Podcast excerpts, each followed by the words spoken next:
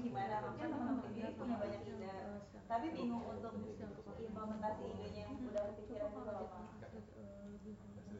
Iya kalau saya sih barangkali kalau secara saintifik punya ide terus ada yang namanya SWOT strength weakness opportunity threat. Itu secara saintifik. Tapi kalau saya barangkali nggak saintifik saintifik amat ya. Enggak lah sholat yang jadi pasien bukan jalannya gitu loh. Karena kita pakai SWOT juga masih iya, banding bandingin gitu ya.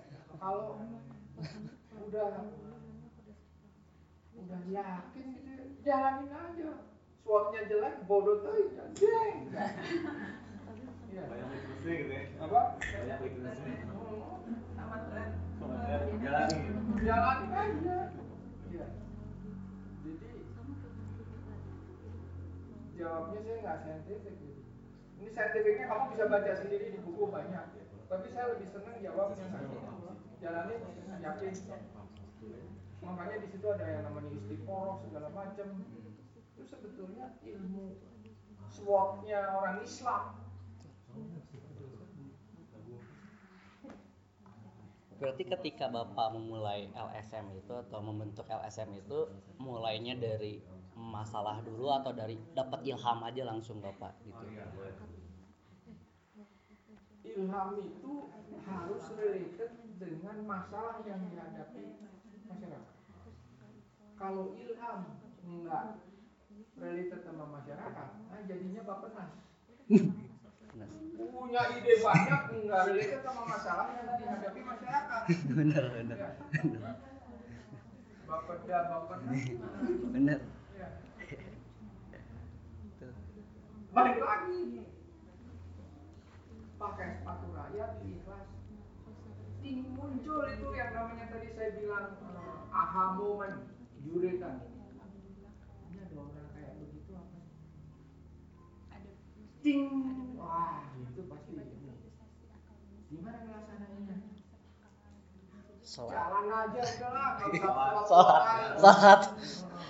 Berarti observe itu adalah kita menggunakan sepatu mereka kayak gitu ya. Iya, Bukan dari luar sistem kan. iya.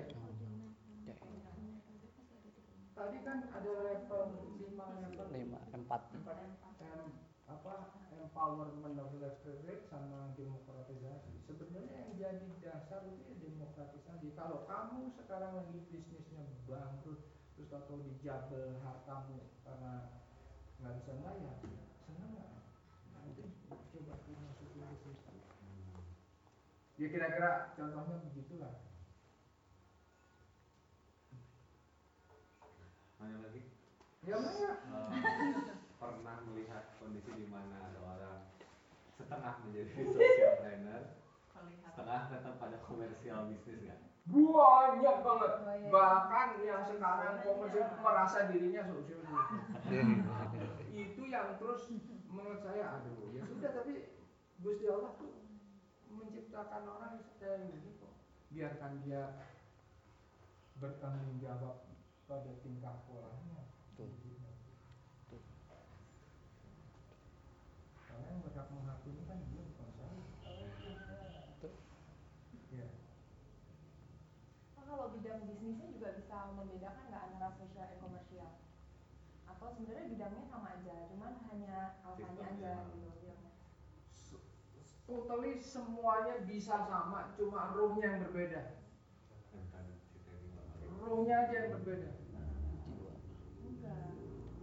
Balik pada gambar yang tadi di sini ruhnya wi eh mi di sini ruhnya wi.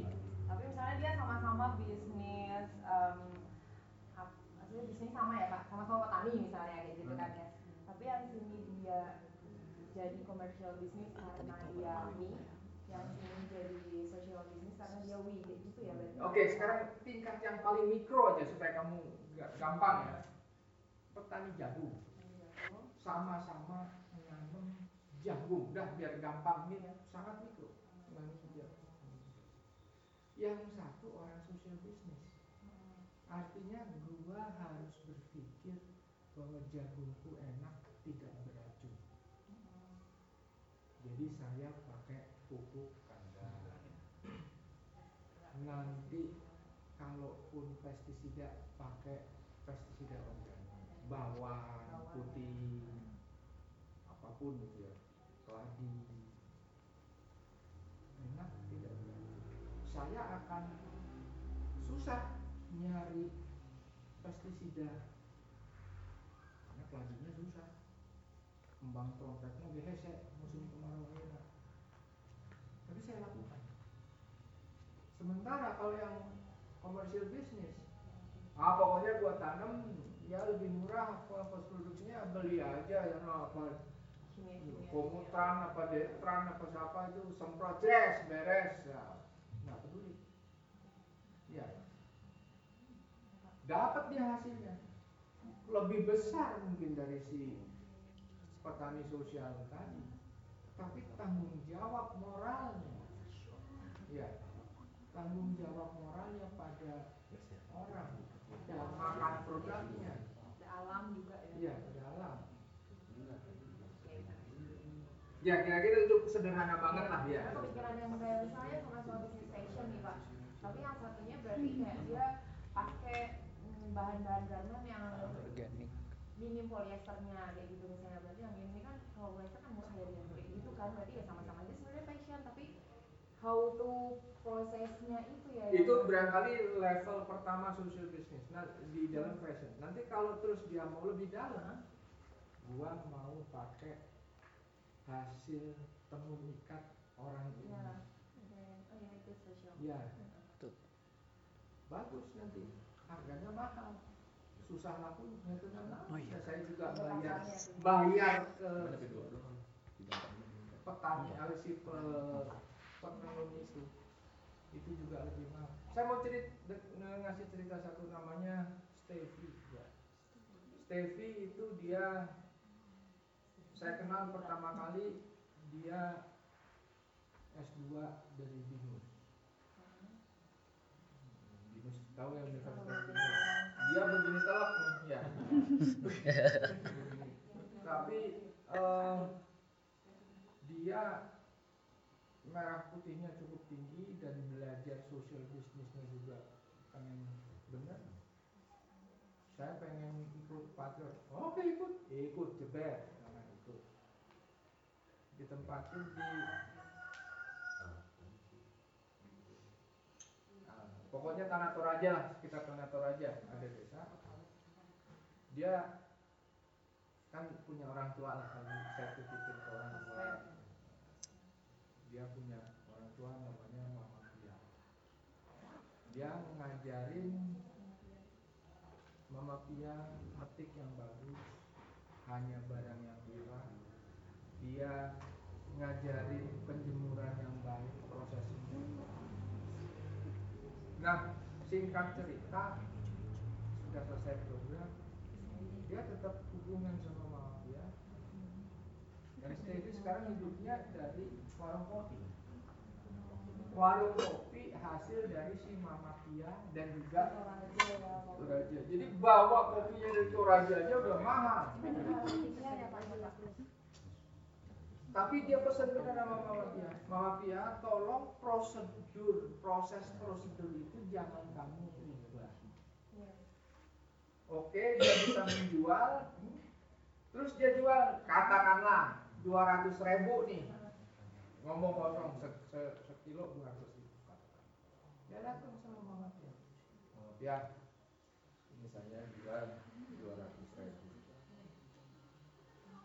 Saya butuh Mama Pia butuh sekian untuk ngetek dapatlah bareng-bareng nih jadi kira-kira ada uang segini yang bisa kita bagi. Ada kesepakatan kayak gitu juga? Jadi kalau benar-benar demokratisasi ekonomi produser awal yang kebanyakan petani itu knows very well ke mana produknya dijual dan berapa harganya operasionalnya berapa itu benar-benar demokratis. Eh, demokratis. Obrolkan gitu ya. ya. Itu namanya demokratisasi. Hmm. ya, sudah level. Itu levelnya kalau saya bilang dia memang cinotel nah, maaf cinotel. Tapi Islamnya benar. Stevi Narakopi. Beda beda. Ya Narakopi. Nah dia melakukan demokratisasi ekonomi yang sesungguhnya yang sebetulnya diharuskan di dalam Islam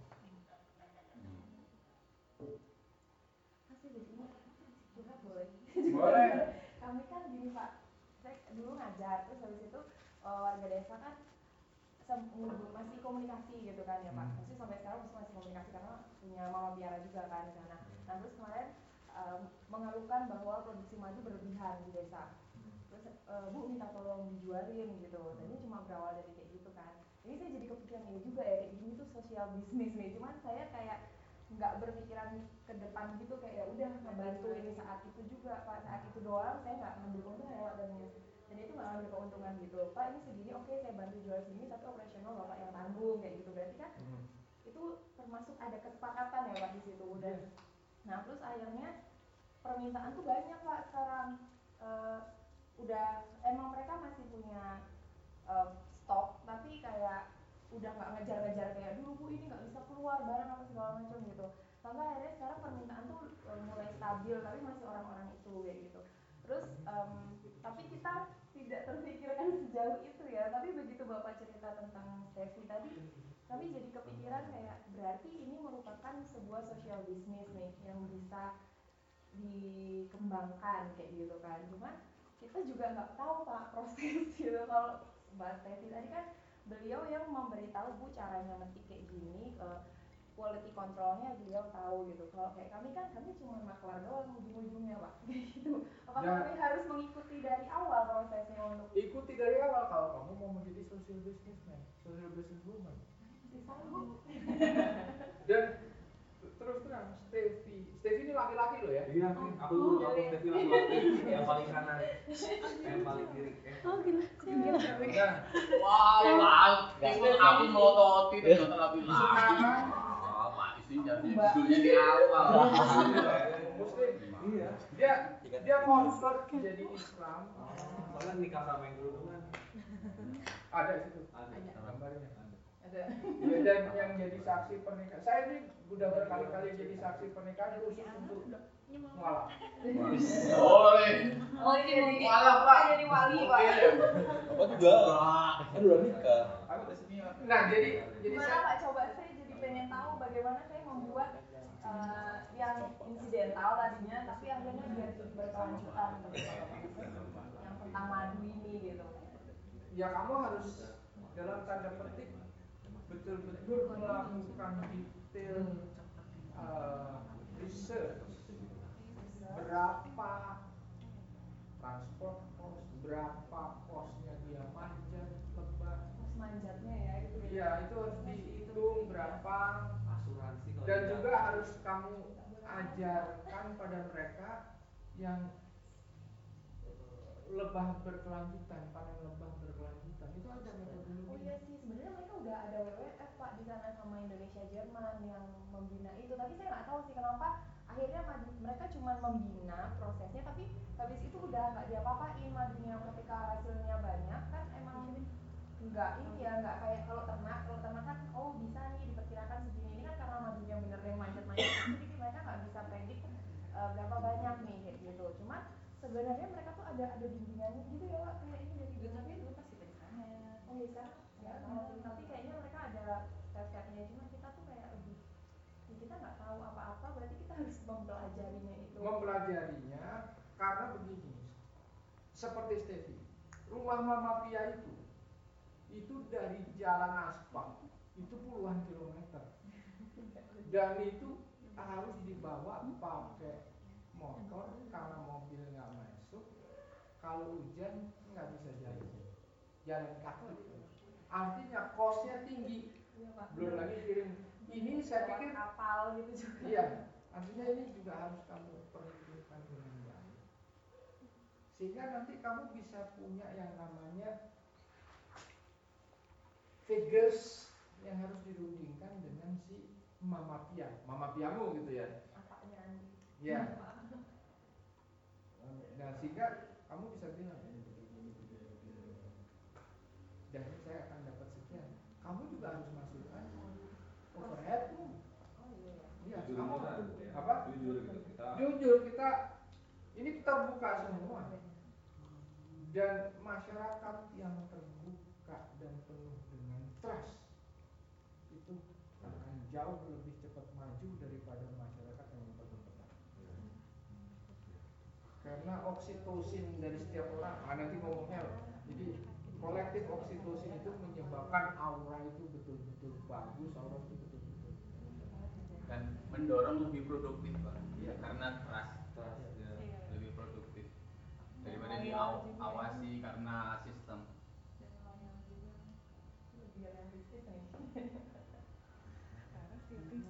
dan kamu harus bilang juga mungkin salah satu salah satu penarik untuk orang yang beli madu dia disebutkan aja madu hutan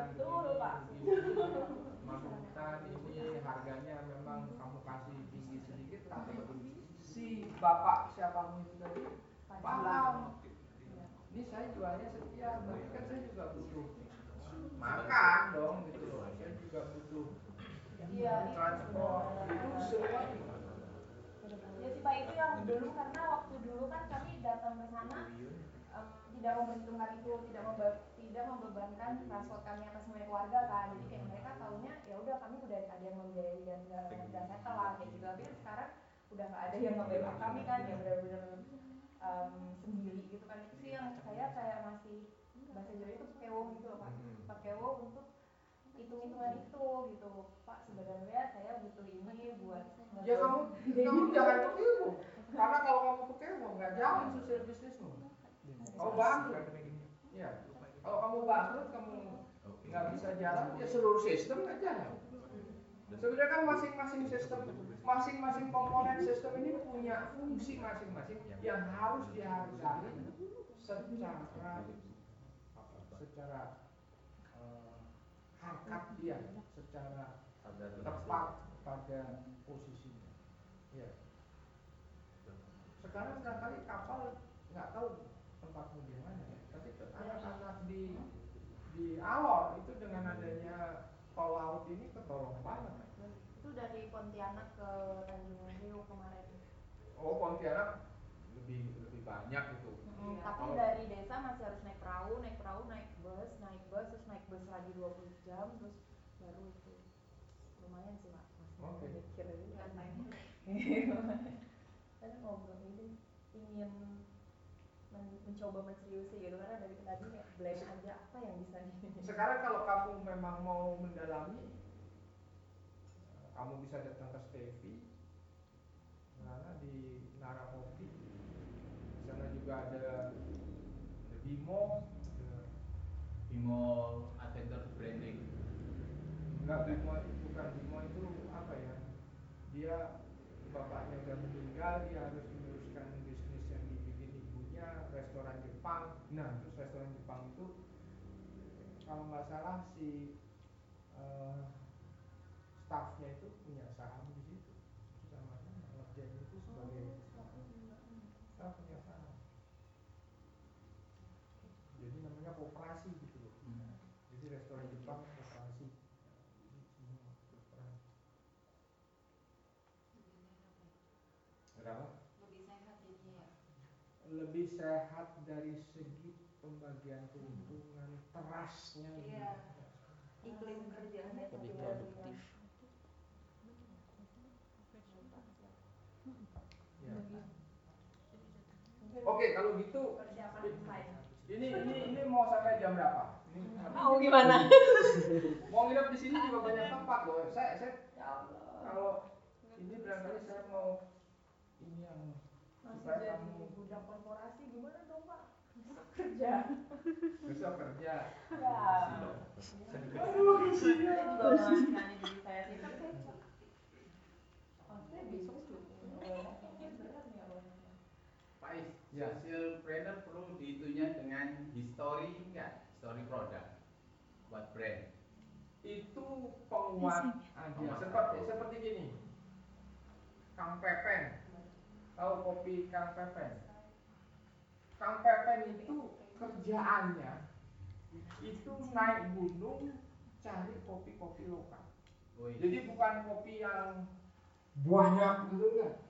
Kopi yang masih satu dua gitu. Tapi diminta di print caranya dia nanti dia akan beli. Ya. Saya datang diskusi sama Pepen ini saya cerita dulu ya Pais kopi ya? Ah enggak saya nggak pernah ngopi. Kopi aja saya bilang. Wah Pais kamu ini kalau ke sini nggak ngopi sama aja ke Mekah nggak sholat. Kalau gitu ya terpaksa iya. bagus terus saya diminta ke oh, ini karena tadi saya saya dihormati sama dia ya jadi dia Faiz mau kopi yang mana jadi ada ruangan segede gini itu isinya ada tempat yang ada gelundungannya itu loh box yang ada ya kontainer gitu. kontainer putih atasnya ada hijau atasnya gelundungan yang paling gede gitu itu isinya gelundungan semua di rak gitu lampu-lampu wah banyak bener nih. Biji kopi belum di roast kering masih kering. terus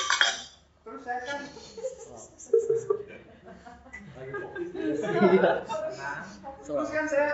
Dia terserah kang pepet oh nggak bisa nggak bisa. Terserah Pak Is mau milih yang mana. Jadi dibukain satu. Pas dibukain itu buang baunya. Masya Allah. Saya belum pernah biji kopi belum di roast belum di roast. Itu baunya seperti itu. Terus dia ini kerinci ini, ini semua. Banyak itu. Satu ruangan gede ya udah saya pilih satu aja. Terus saya lihat bungkusnya itu ada storynya. Oh. jadi tiap kopi itu dari mana dia ceritain storynya. Dan dia dalam tanda petik riset untuk story itu. Bukan saya cerita.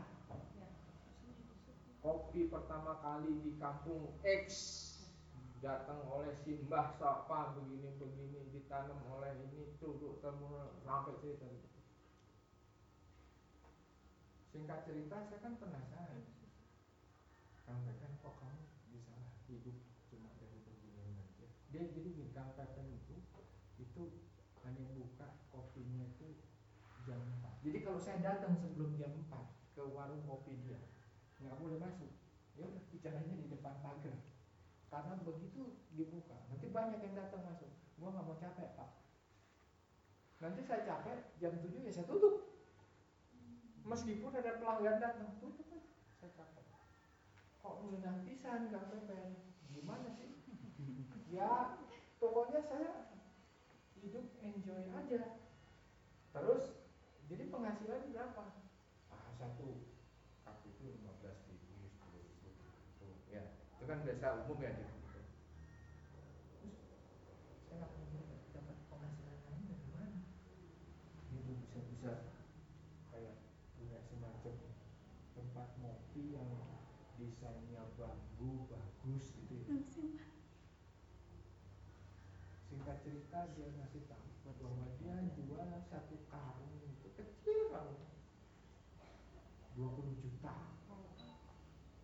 Ada yang khusus 40 juta. Tapi caranya seperti itu juga bahwa dia bilang sama petaninya, ini saya bilang laku ini segitu nanti kita bagi. Nah dia sekarang pikiran dia adalah bagaimana penghasilan yang meningkat ini dalam tanda petik bukan menjadi modal untuk tiap minggu punya istri baru oleh petani. Karena biasanya begitu duit masuk, nah ini yang harus jadi pemberdayaan itu harus lengkap. Bukan hanya kamu punya uang terserah kamu. Enggak juga harus diberi penyadaran-penyadaran agar dia tidak konsumtif agar dia lebih bijak. Ini cerita lain. Saya cerita lain. Ada anak saya namanya Astrid tahu asli dia bikin kegiatan kombucha. Kombucha di sekelilingnya begitu kombucha naik ibu-ibu dibayar bukan uang tapi masuk tabungan. Tabungannya ngelola mbak? Sri juga biar mereka tapi tadi berdayakan mengelola. mengelola tabungan. Tapi kenapa itu terjadi? Karena kalau nggak dikasih tabungan hari itu bayar habis hari itu habis iya pak gitu ya di desa nah artinya setelah dikasih tabungan itu juga harus ada step-step lain. Kalau punya tabungan gede ya terus jangan beli motor gitu ya. Hmm, karena ya lebih baik ya sudah motor satu ya cukup kan nggak usah. Ya hal-hal seperti itu gitu yang harus di- diperhitungkan juga. Jadi naikkan pendapatan itu bukan berarti berhenti pekerjaan selesai. Berhasil. Enggak dengan mainstream yang seperti ini kamu juga harus memberi additional eh, apa training untuk menjadi wise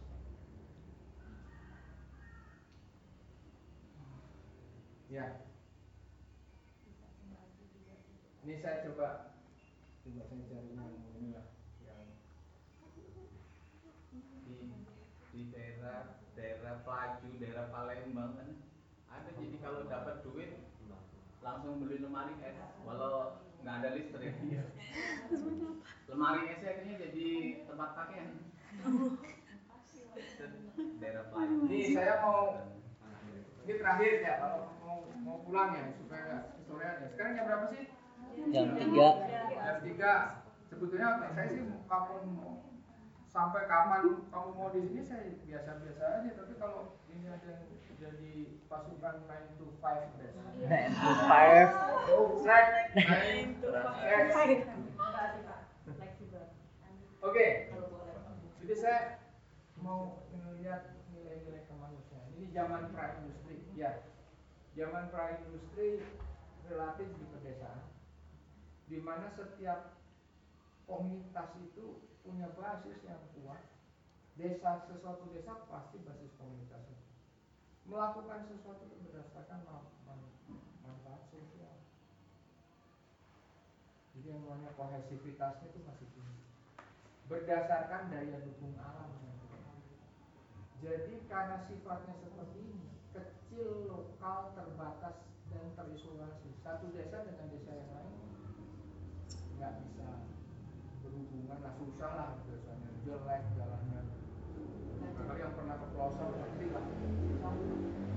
Oke, ini basicnya umumnya ya spiritual di sana, ya bagaimana menghargai di timur itu ada namanya sasi yang di yang di apa dipotong untuk waktu tertentu karena nanti menyalahi oke ini saya sebut aktivitas tradisional manfaatnya manfaat sosial masuklah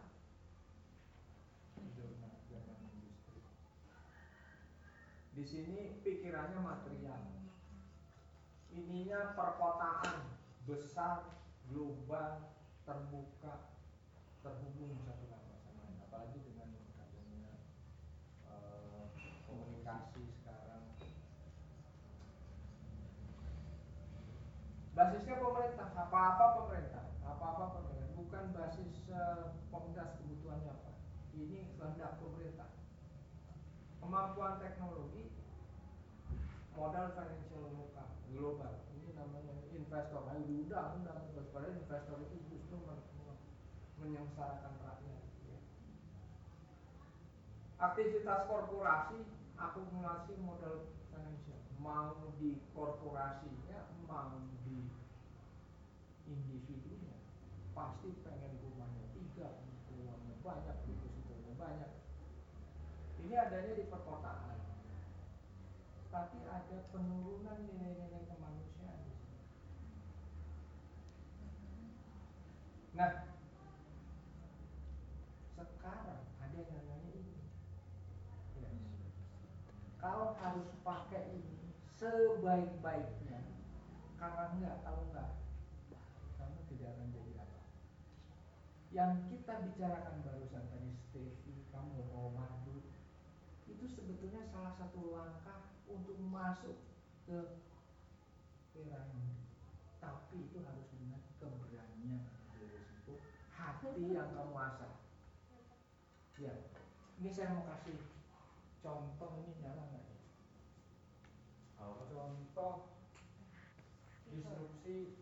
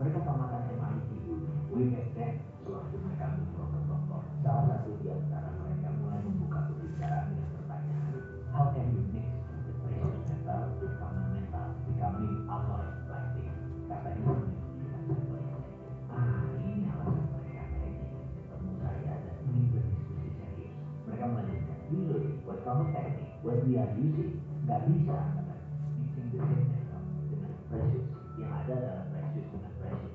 Jadi pertanyaan dia selanjutnya, how can you put NE atau bagaimana kamu bisa menaruh nikel digabungkan dengan lithium atau Ni with Li together? Bisa nggak? Saya paham maksudnya. Memang dunia metalurgi itu unik. Sedikit orang yang memahami sifat metal, bahkan bisa paham tabiat metal. Hanya sedikit sekali. Berhubung ilmu ini adalah ilmu keluarga, saya bisa. Jadi mereka bertiga menangkap hal yang aneh dari sampel yang kami kirim. Tapi sebelum saya menjelaskan, saya ingin sudutkan informasi mereka agar tepat. Saya tanya balik, metal do you need? I will answer what do you need, not what you want to know. Is it okay? Jadi saya akan menjawab apa yang mereka butuhkan, bukan apa yang mereka ingin tahu. Jawaban mereka singkat, Li, lithium, itu jawabannya. Saya tanya balik, untuk apa mereka perlu lithium? Power bank. Saya tanya balik, ini power bank untuk handphone, dan dia jawab, enggak, no, it is for house, for drone and building. Mereka jawab, asli saya terdiam, otak saya setengah keras. Makan malam Cina Muslim dengan si unstyle kambing lembut yang seakan tidak terpunya. Jadi, saya bilang mau menjelaskan. Kalimat itu keluar dari mulut saya. Yang dijelaskan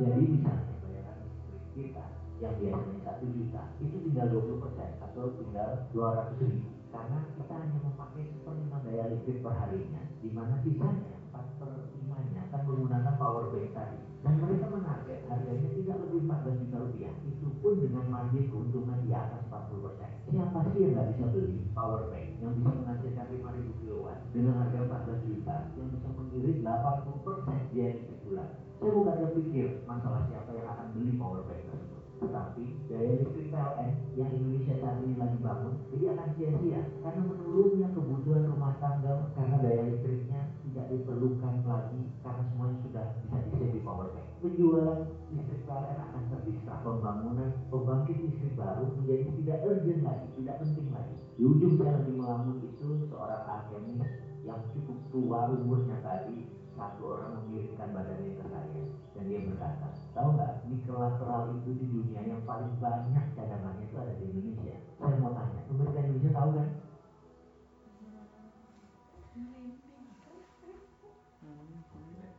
Ini orangnya ada di Indonesia, bisa bikin barang begini. Artinya kamu harus siap. Kalau kamu pegawai PLN, siap-siap kau belum. Contoh yang lebih apa lebih signifikan itu kan si apa namanya si matahari department store. Itu kan udah mulai itu Iya. ya. Jadi kalau kamu tidak memberanikan tadi ini tadi harusnya hyperlink jadi nggak usah potong. Jadi kalau kamu tidak memberanikan diri ini dari awal lagi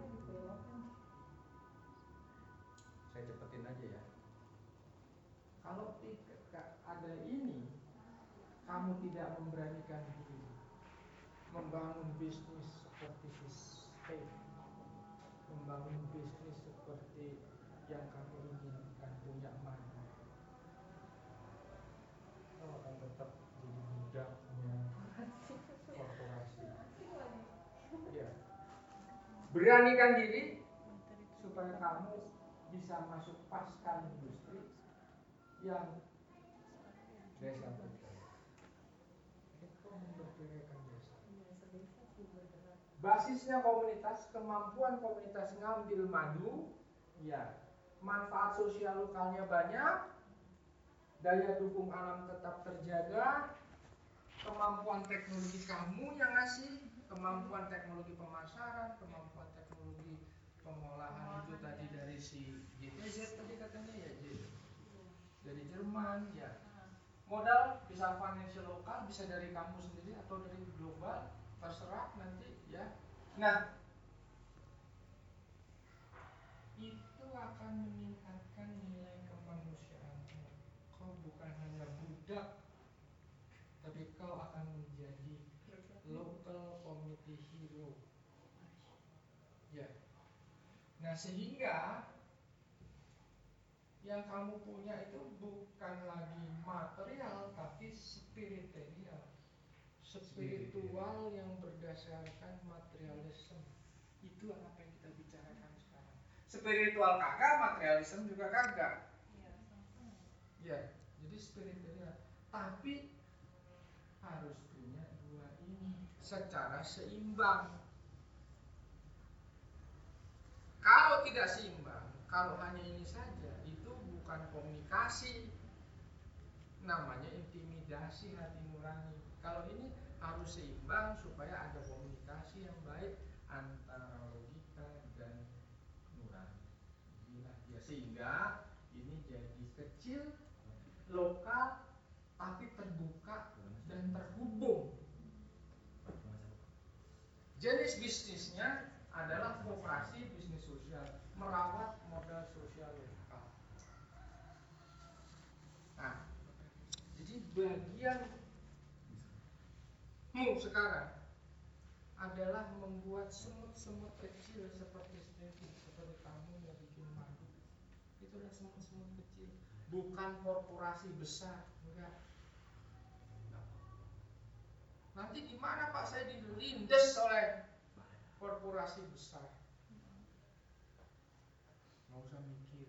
Itu kan celingmu gimana mikir sekarang manfaatkan hidupmu untuk itu saja. Terus lain sistem ekonomi sekarang.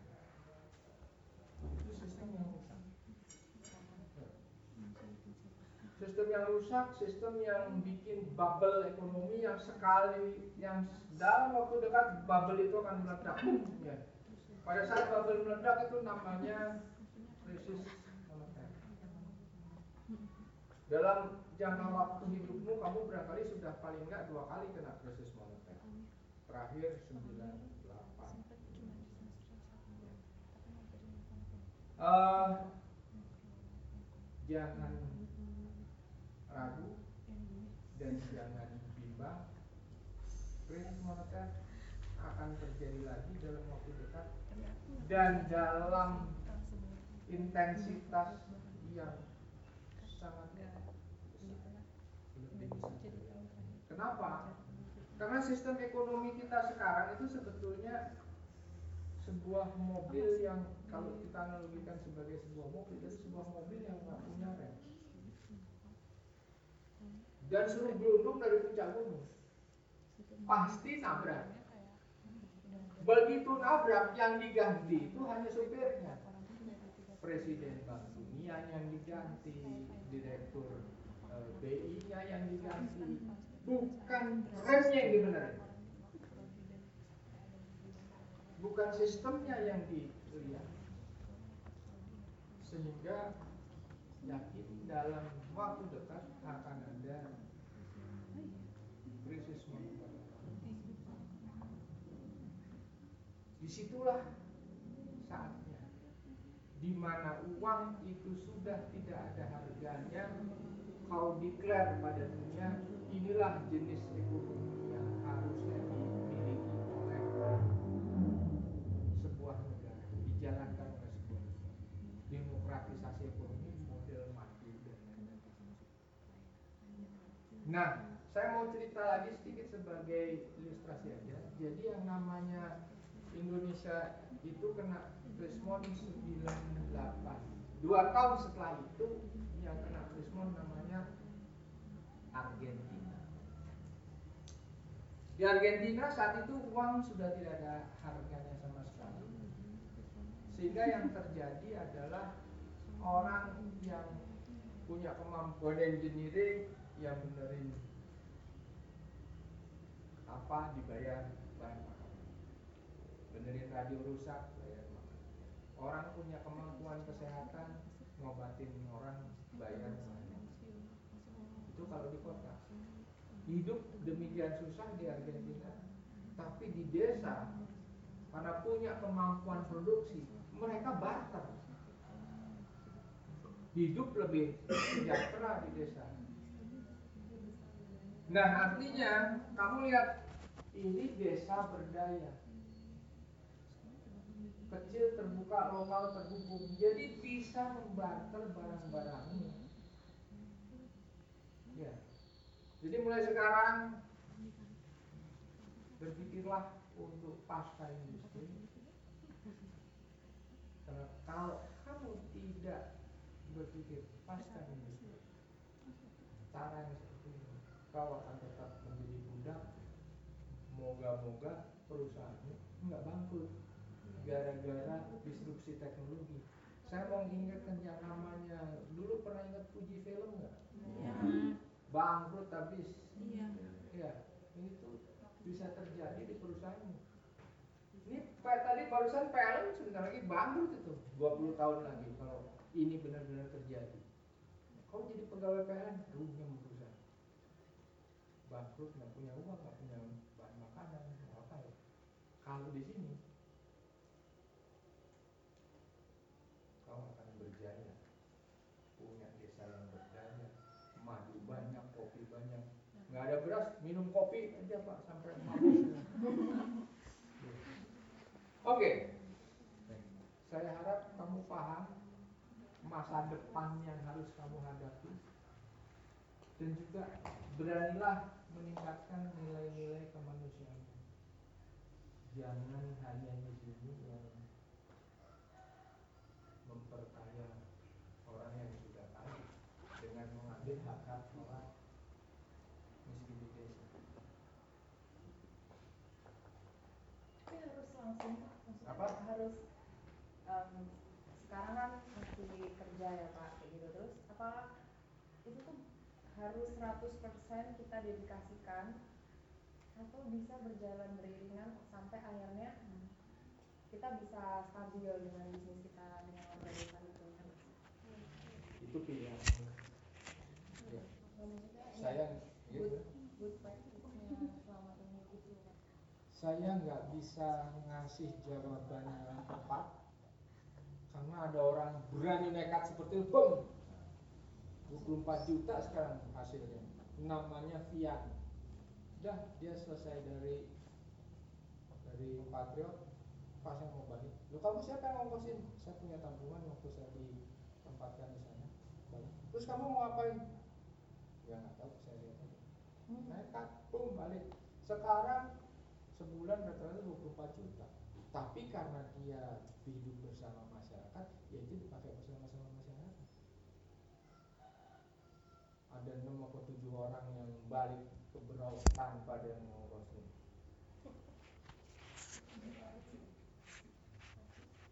Siapa? Aci.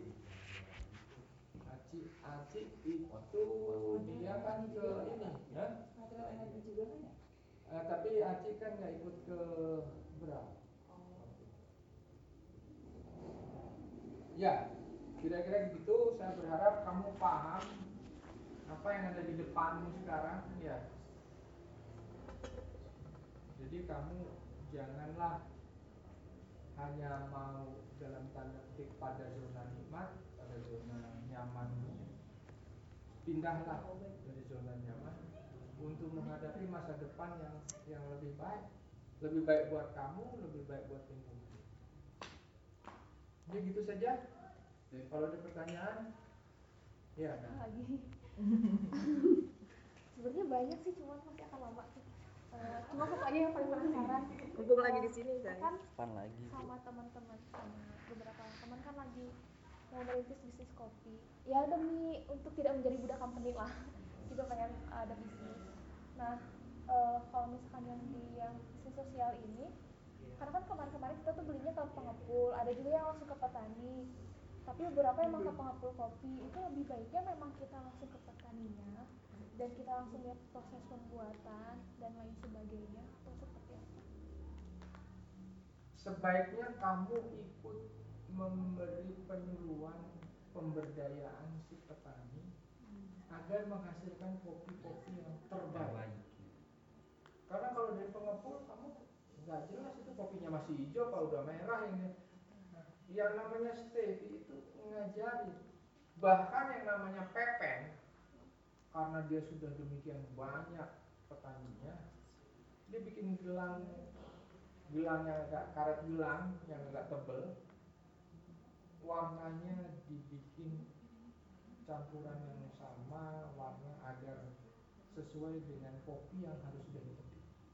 Kalau warnanya belum seperti karet gelang ini jangan dipetik. Itulah yang setelah itu processing pengupasan itu ada prosedurnya nggak boleh kena tanah harus tertutup segala macam itu perlu pem- pemberdayaan ya. sehingga kamu dengan cara seperti itu bisa menghasilkan kopi-kopi dengan kualitas terbaik ngalahin kopi Ya. sehingga kamu akan bisa dalam tanda petik mensejahterakan mereka selain mensejahterakan diri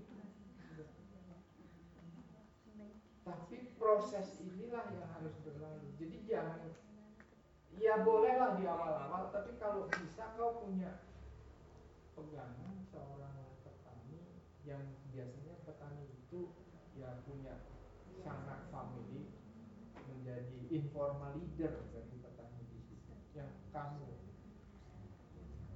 apa khususkan untuk menjadi apa production unit gitu loh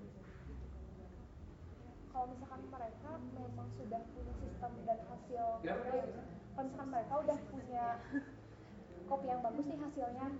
Nah bentuk sosial yang lain yang bisa saya berdayakan itu seperti apa? Ya ya kamu berusaha untuk dalam tanda petik join sama mereka. Kalau kopinya bagus join sama mereka terus tawarkan alternatif alternatif yang saya sebutkan tadi. Terus saya jual nanti saya jualnya sekian ini sekian dan itu sekian jual dia mau kan seperti itu? Ya. karena terus terang untuk membuat petani seperti itu juga sulit. Karena dia maunya petik dapat duit langsung. Sebenarnya kalau yang kamu lakukan Stevi lakukan itu tidak bisa dapat uang langsung. Makanya Stevie mulainya dari 20 kilo sebulan itu berapa dari persen? Nggak banyak. 50 kilo naik mungkin di tahun depan dia akan bisa jadi 75 100 kilo. Ya sebulan. Jadi tidak juga diambil apa pan, kopi kan panennya sekaligus tidak diambil sekaligus dia disimpan di dia. Di daerah udaranya dia. Supaya terjadi nggak tahu ini orang-orang yang gila kopi supaya terjadi pematangan yang sesuai dengan panen di sana semua dipetik loh ya dipetik loh dibersihin nggak kering disimpan di sana tempat simpanannya juga harus kualitasnya bagus. Problemnya itu kadang gini pak ada kawan juga bisnis kopi ya. Jadi uh, petaninya itu nggak pingin susah.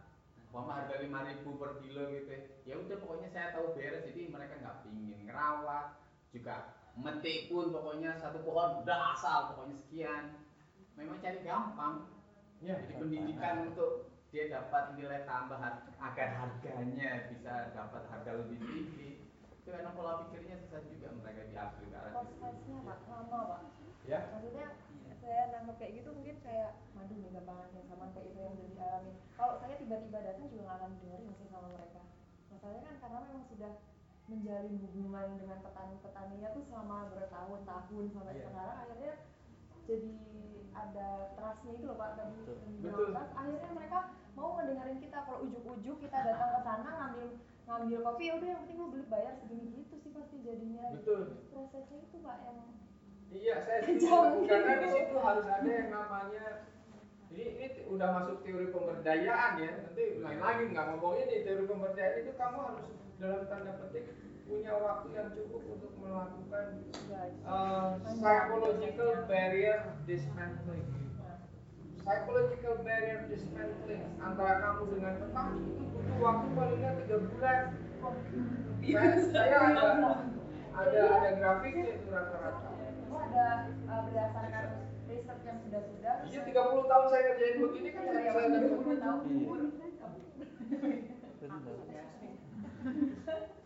terkadang pak kalau di desa tuh masih ada ini pak apa kayak kepercayaan bahwa nenek moyang kita tuh gini itu kan ilmu pengetahuan kalian bla bla bla bla. Misalnya penyuluhan kopi. Harusnya metiknya tuh gini loh. Tapi kata apa e, nenek moyangku tuh harusnya kayak gini. Gini. Ada kurva penyebaran kurva Gauss penyebaran penduduk. Ini saya harus kurva Gauss tuh kurva Gauss kurva Gauss penyebaran penduduk. Uh, saya ambil ini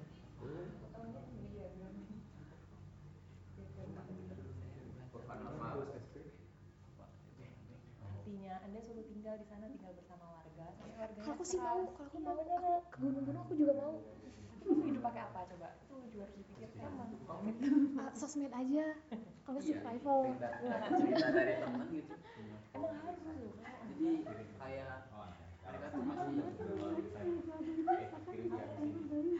nih ini sebetulnya kamu harus dapat teori-teori yang lain dulu ya.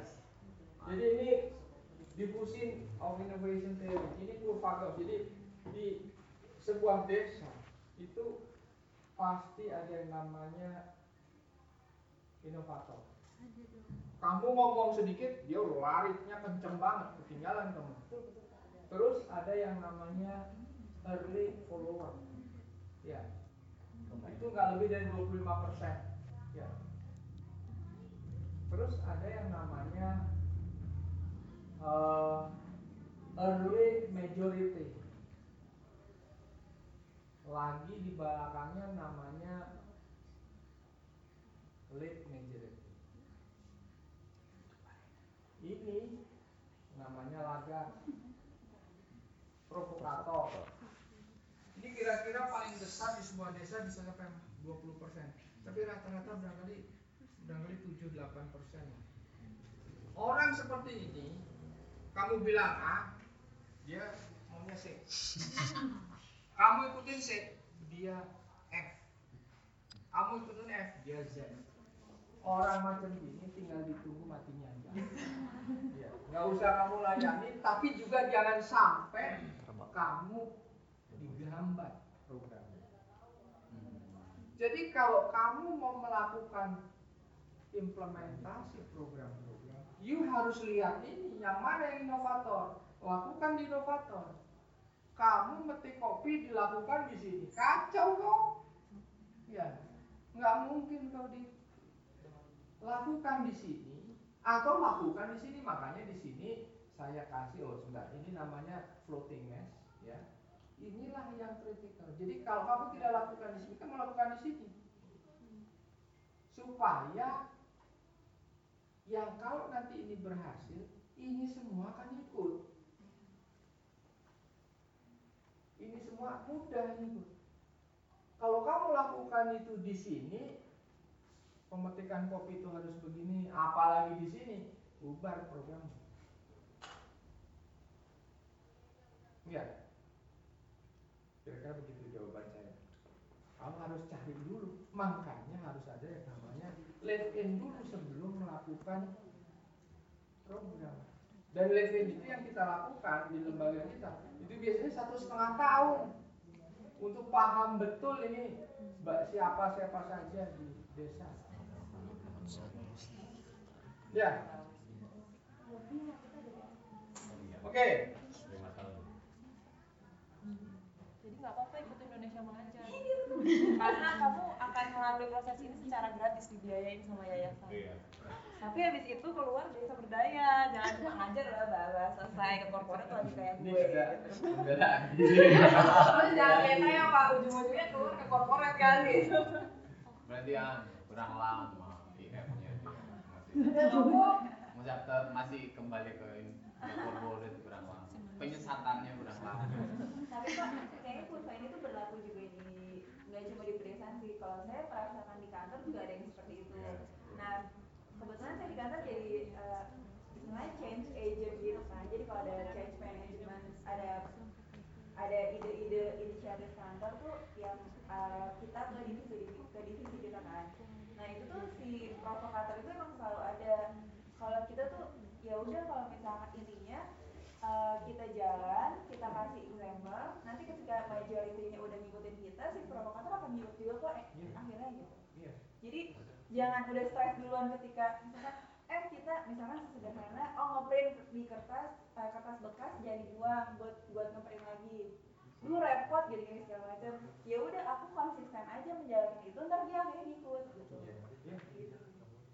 Tapi emang awalnya jadi mental block sih kalau ketika kita baru mulai eh kita gini ih enggak ah langsung langsung ditolak itu kan buat kita yang baru mulai itu agak gimana ya? Ya makanya saya kasih ini critical phase Artinya kamu harus mendekatin ini atau ini. Iya. Kalau salah deketin ke sini, apalagi ke sini ya bubar. Gak jalan-jalan. Ya. Jadi pertanyaanmu itu sebetulnya, you deketin siapa? Itu yang harus. Di mana? Kau harus tahu dulu komposisi ini. Ya. Oke. Okay. Ada lagi yang mau ditanya?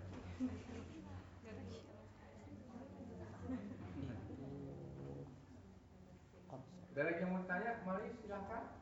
Ayo ngomong di sini gratis di kuliah.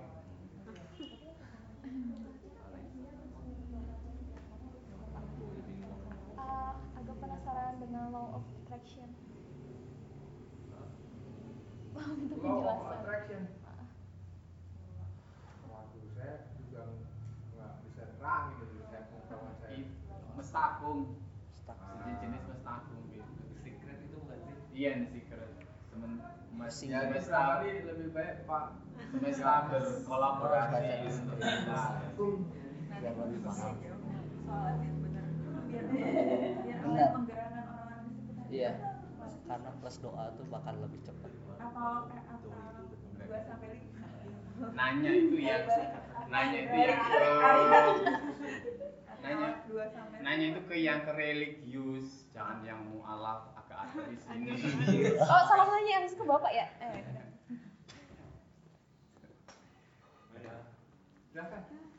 Silakan ini siapa Saya aja? Silakan. Ini mah penasaran aja ya Pak ya. Mungkin jadi barangkali tutup juga. Eh, barangkali nggak ketemu lagi gitu Pak. Mau tanya eh, eh, dengan kondisi ekonomi yang masih ikutin komersial bisnis ini gitu. Gimana Bapak bersinergi dengan pemerintah yang jelas-jelas mereka mendukung gitu.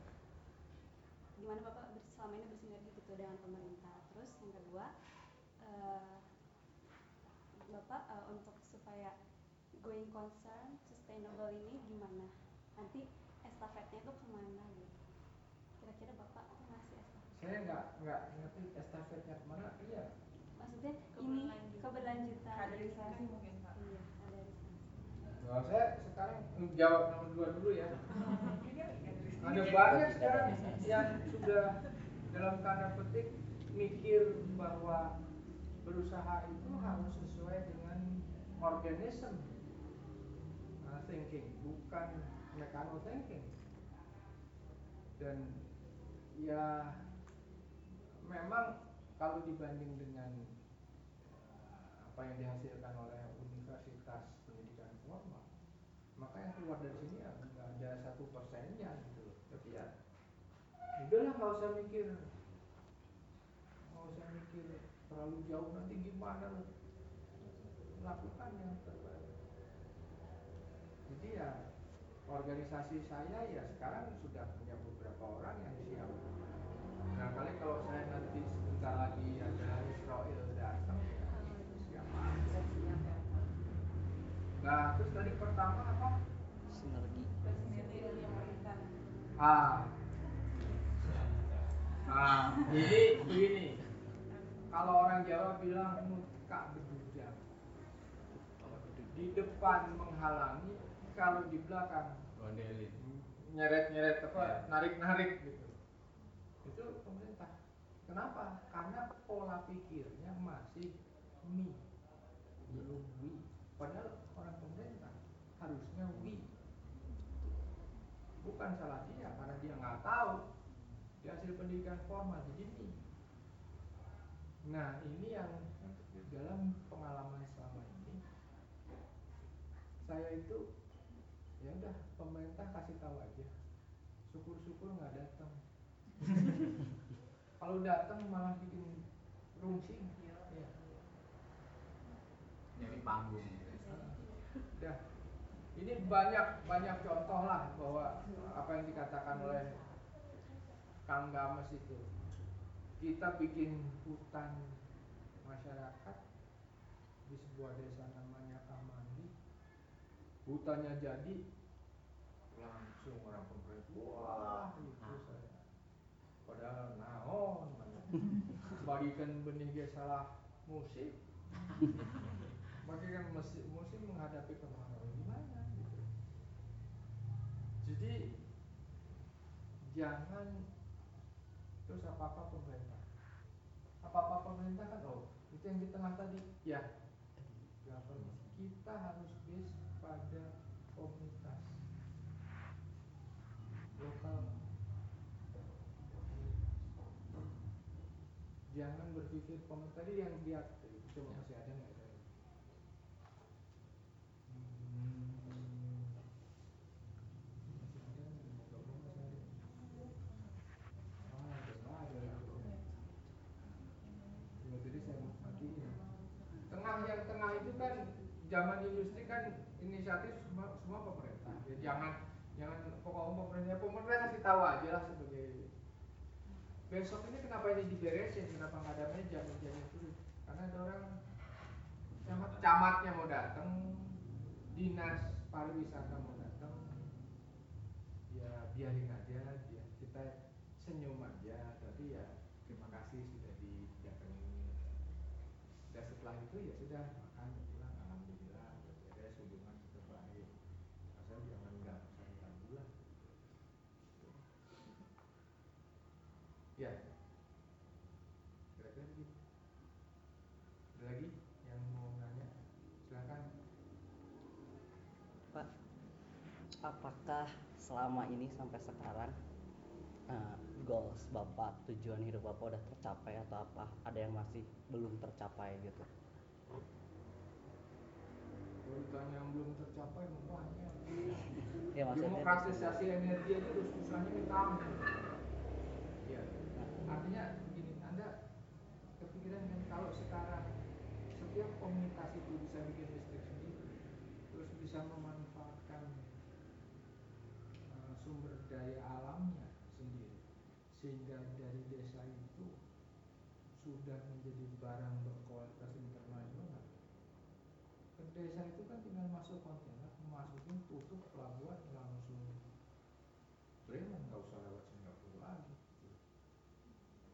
itu sebetulnya apa cita-citanya seperti itu artinya si masyarakat yang punya usaha si masyarakat yang melakukan penjualan melakukan transaksi mendapatkan letter of credit LC dari pembeli dia lupa itulah yang namanya demokratisasi ekonomi yang seharusnya dicapai oleh kita. Nah tapi ya, itu masih jauh. Ya nggak apa-apa ya kita jalan aja. Seperti tadi pertanyaan yang anaknya susah banget ngelem terus gitu ya. Nggak ada keluarganya. Ya udah yang bisa kita lakukan dengan cara berpikir dengan pola pikir dengan harapan gini bahwa Indonesia ini sebuah bangunan yang sangat besar dan bangunan itu terdiri dari bata-bata kecil seperti ini. Inilah artinya sebuah desa nih bata-bata ini. Ini satu desa. Ini satu desa. Bagaimana kalau bata-bata ini nggak kuat? Bangunan republik ini untuk itu yang terjadi sekarang. Saya katakan padamu saya sudah melakukan beberapa kegiatan. Desa-desa yang benar-benar kuat dan berdaya itu nggak lebih dari 25 50 lah dan semua desa-desa yang berdaya dipimpin oleh S1 S1 yang punya hati S1 yang punya hati yang tahu kurva tadi itu yang begini tadi. Ya bahwa desa harus berdaya untuk menghadapi perubahan teknologi yang sekarang supaya tidak jadi uji film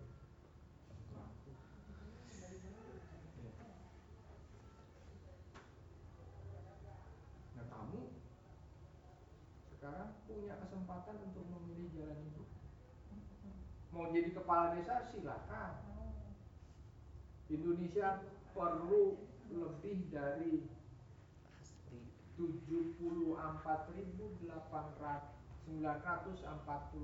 sarjana yang mau jadi kepala desa. Indonesia jumlah desanya segitu. Nah, lebih dari 50 yang desanya benar-benar kuat berdaya. Artinya kalau memang kita berpikiran untuk pemberdayaan masyarakat yang benar,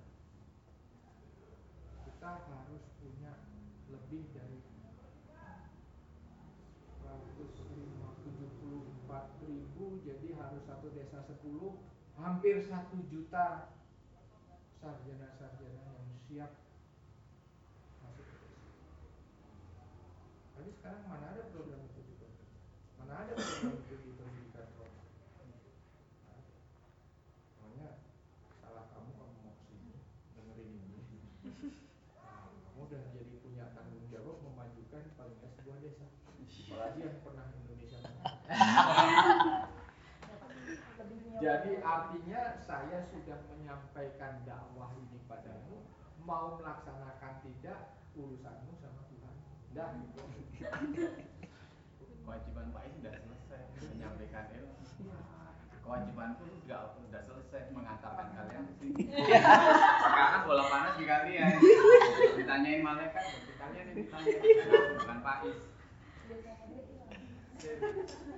Alhamdulillah Masya Allah. Sinergi ya. Iya batu bata itu nggak nggak bisa kita duet sendiri sip ada lagi? Kalau nggak ada jam 4 sholat asar. Boleh pak kasih motivasi kembali pak. Kata-kata ya pak. Jangan. biar semangat. Biar inquiries-nya dapat pak. Eh Pak, Pak panjang apa pendek? Pendek. Panjang. Panjang. Jangan panjang panjang Jangan panjang-panjang. ya yang pendek. yang ngena banget pak? Enak Hidup hanya sekali. Hiduplah yang berarti. ah Iya. Dan, Jangan dan kamu nggak bisa mengulangi hidupmu. Kalau udah 10 tahun, gimana kamu mau mengulangi? Nggak bisa di rewind. YOLO YOLO sama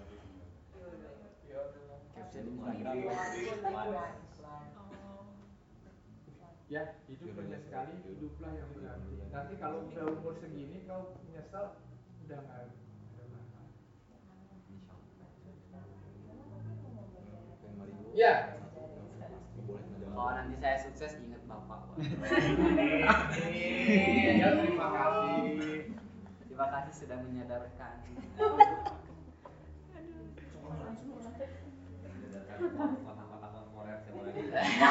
Korporat korporat nih. Jadi kapan? Hah? keluar Eh tapi nggak harus resign kok kata bapak Apa? tadi. Tidak harus keluar dari korporat. Nggak usah, ini tergantung nanti. Pilihan kan Pilihan ya, pilihan. Iya, tergantung nyali lah. nyali ya. Guys, tolong di print resign from form resign. Apa? Form resign, ada kayaknya from form resign. Formulir resign, nah ini dibagi siapa yang Pak? Tadi Pak Pak apa? Pak Games bilang tergantung nyali ya. Iya. Nyali itu sebetulnya rasio antara testosteron sama kortisol. Nah, itu kalau mau Ilmiah. Nah, kamu sekarang ini biasanya kebanyakan kortisolnya. Ya. Pengennya begini, pengennya begini, harusnya begini. Tapi kebanyakan kortisol itu juga akan mengakibatkan kamu dalam tanda petik punya problem di kesehatanmu di kemudian hari. Gula, eh, kolesterol, dan itu nanti akan muncul di kemudian hari. Nah, memberanikan diri, mengurangi kortisol, membuat komposisi testosteron sama kortisol itu seimbang. Itu nyalinya kuat, tapi juga nyalinya besar. Artinya ada probability yang sangat tinggi di kemudian hari kemungkinan kamu sakit gula, kemungkinan kamu kolesterol itu jadi kecil. Ya, itu aja deh. Jadi lebih sehat ke depannya kira-kira.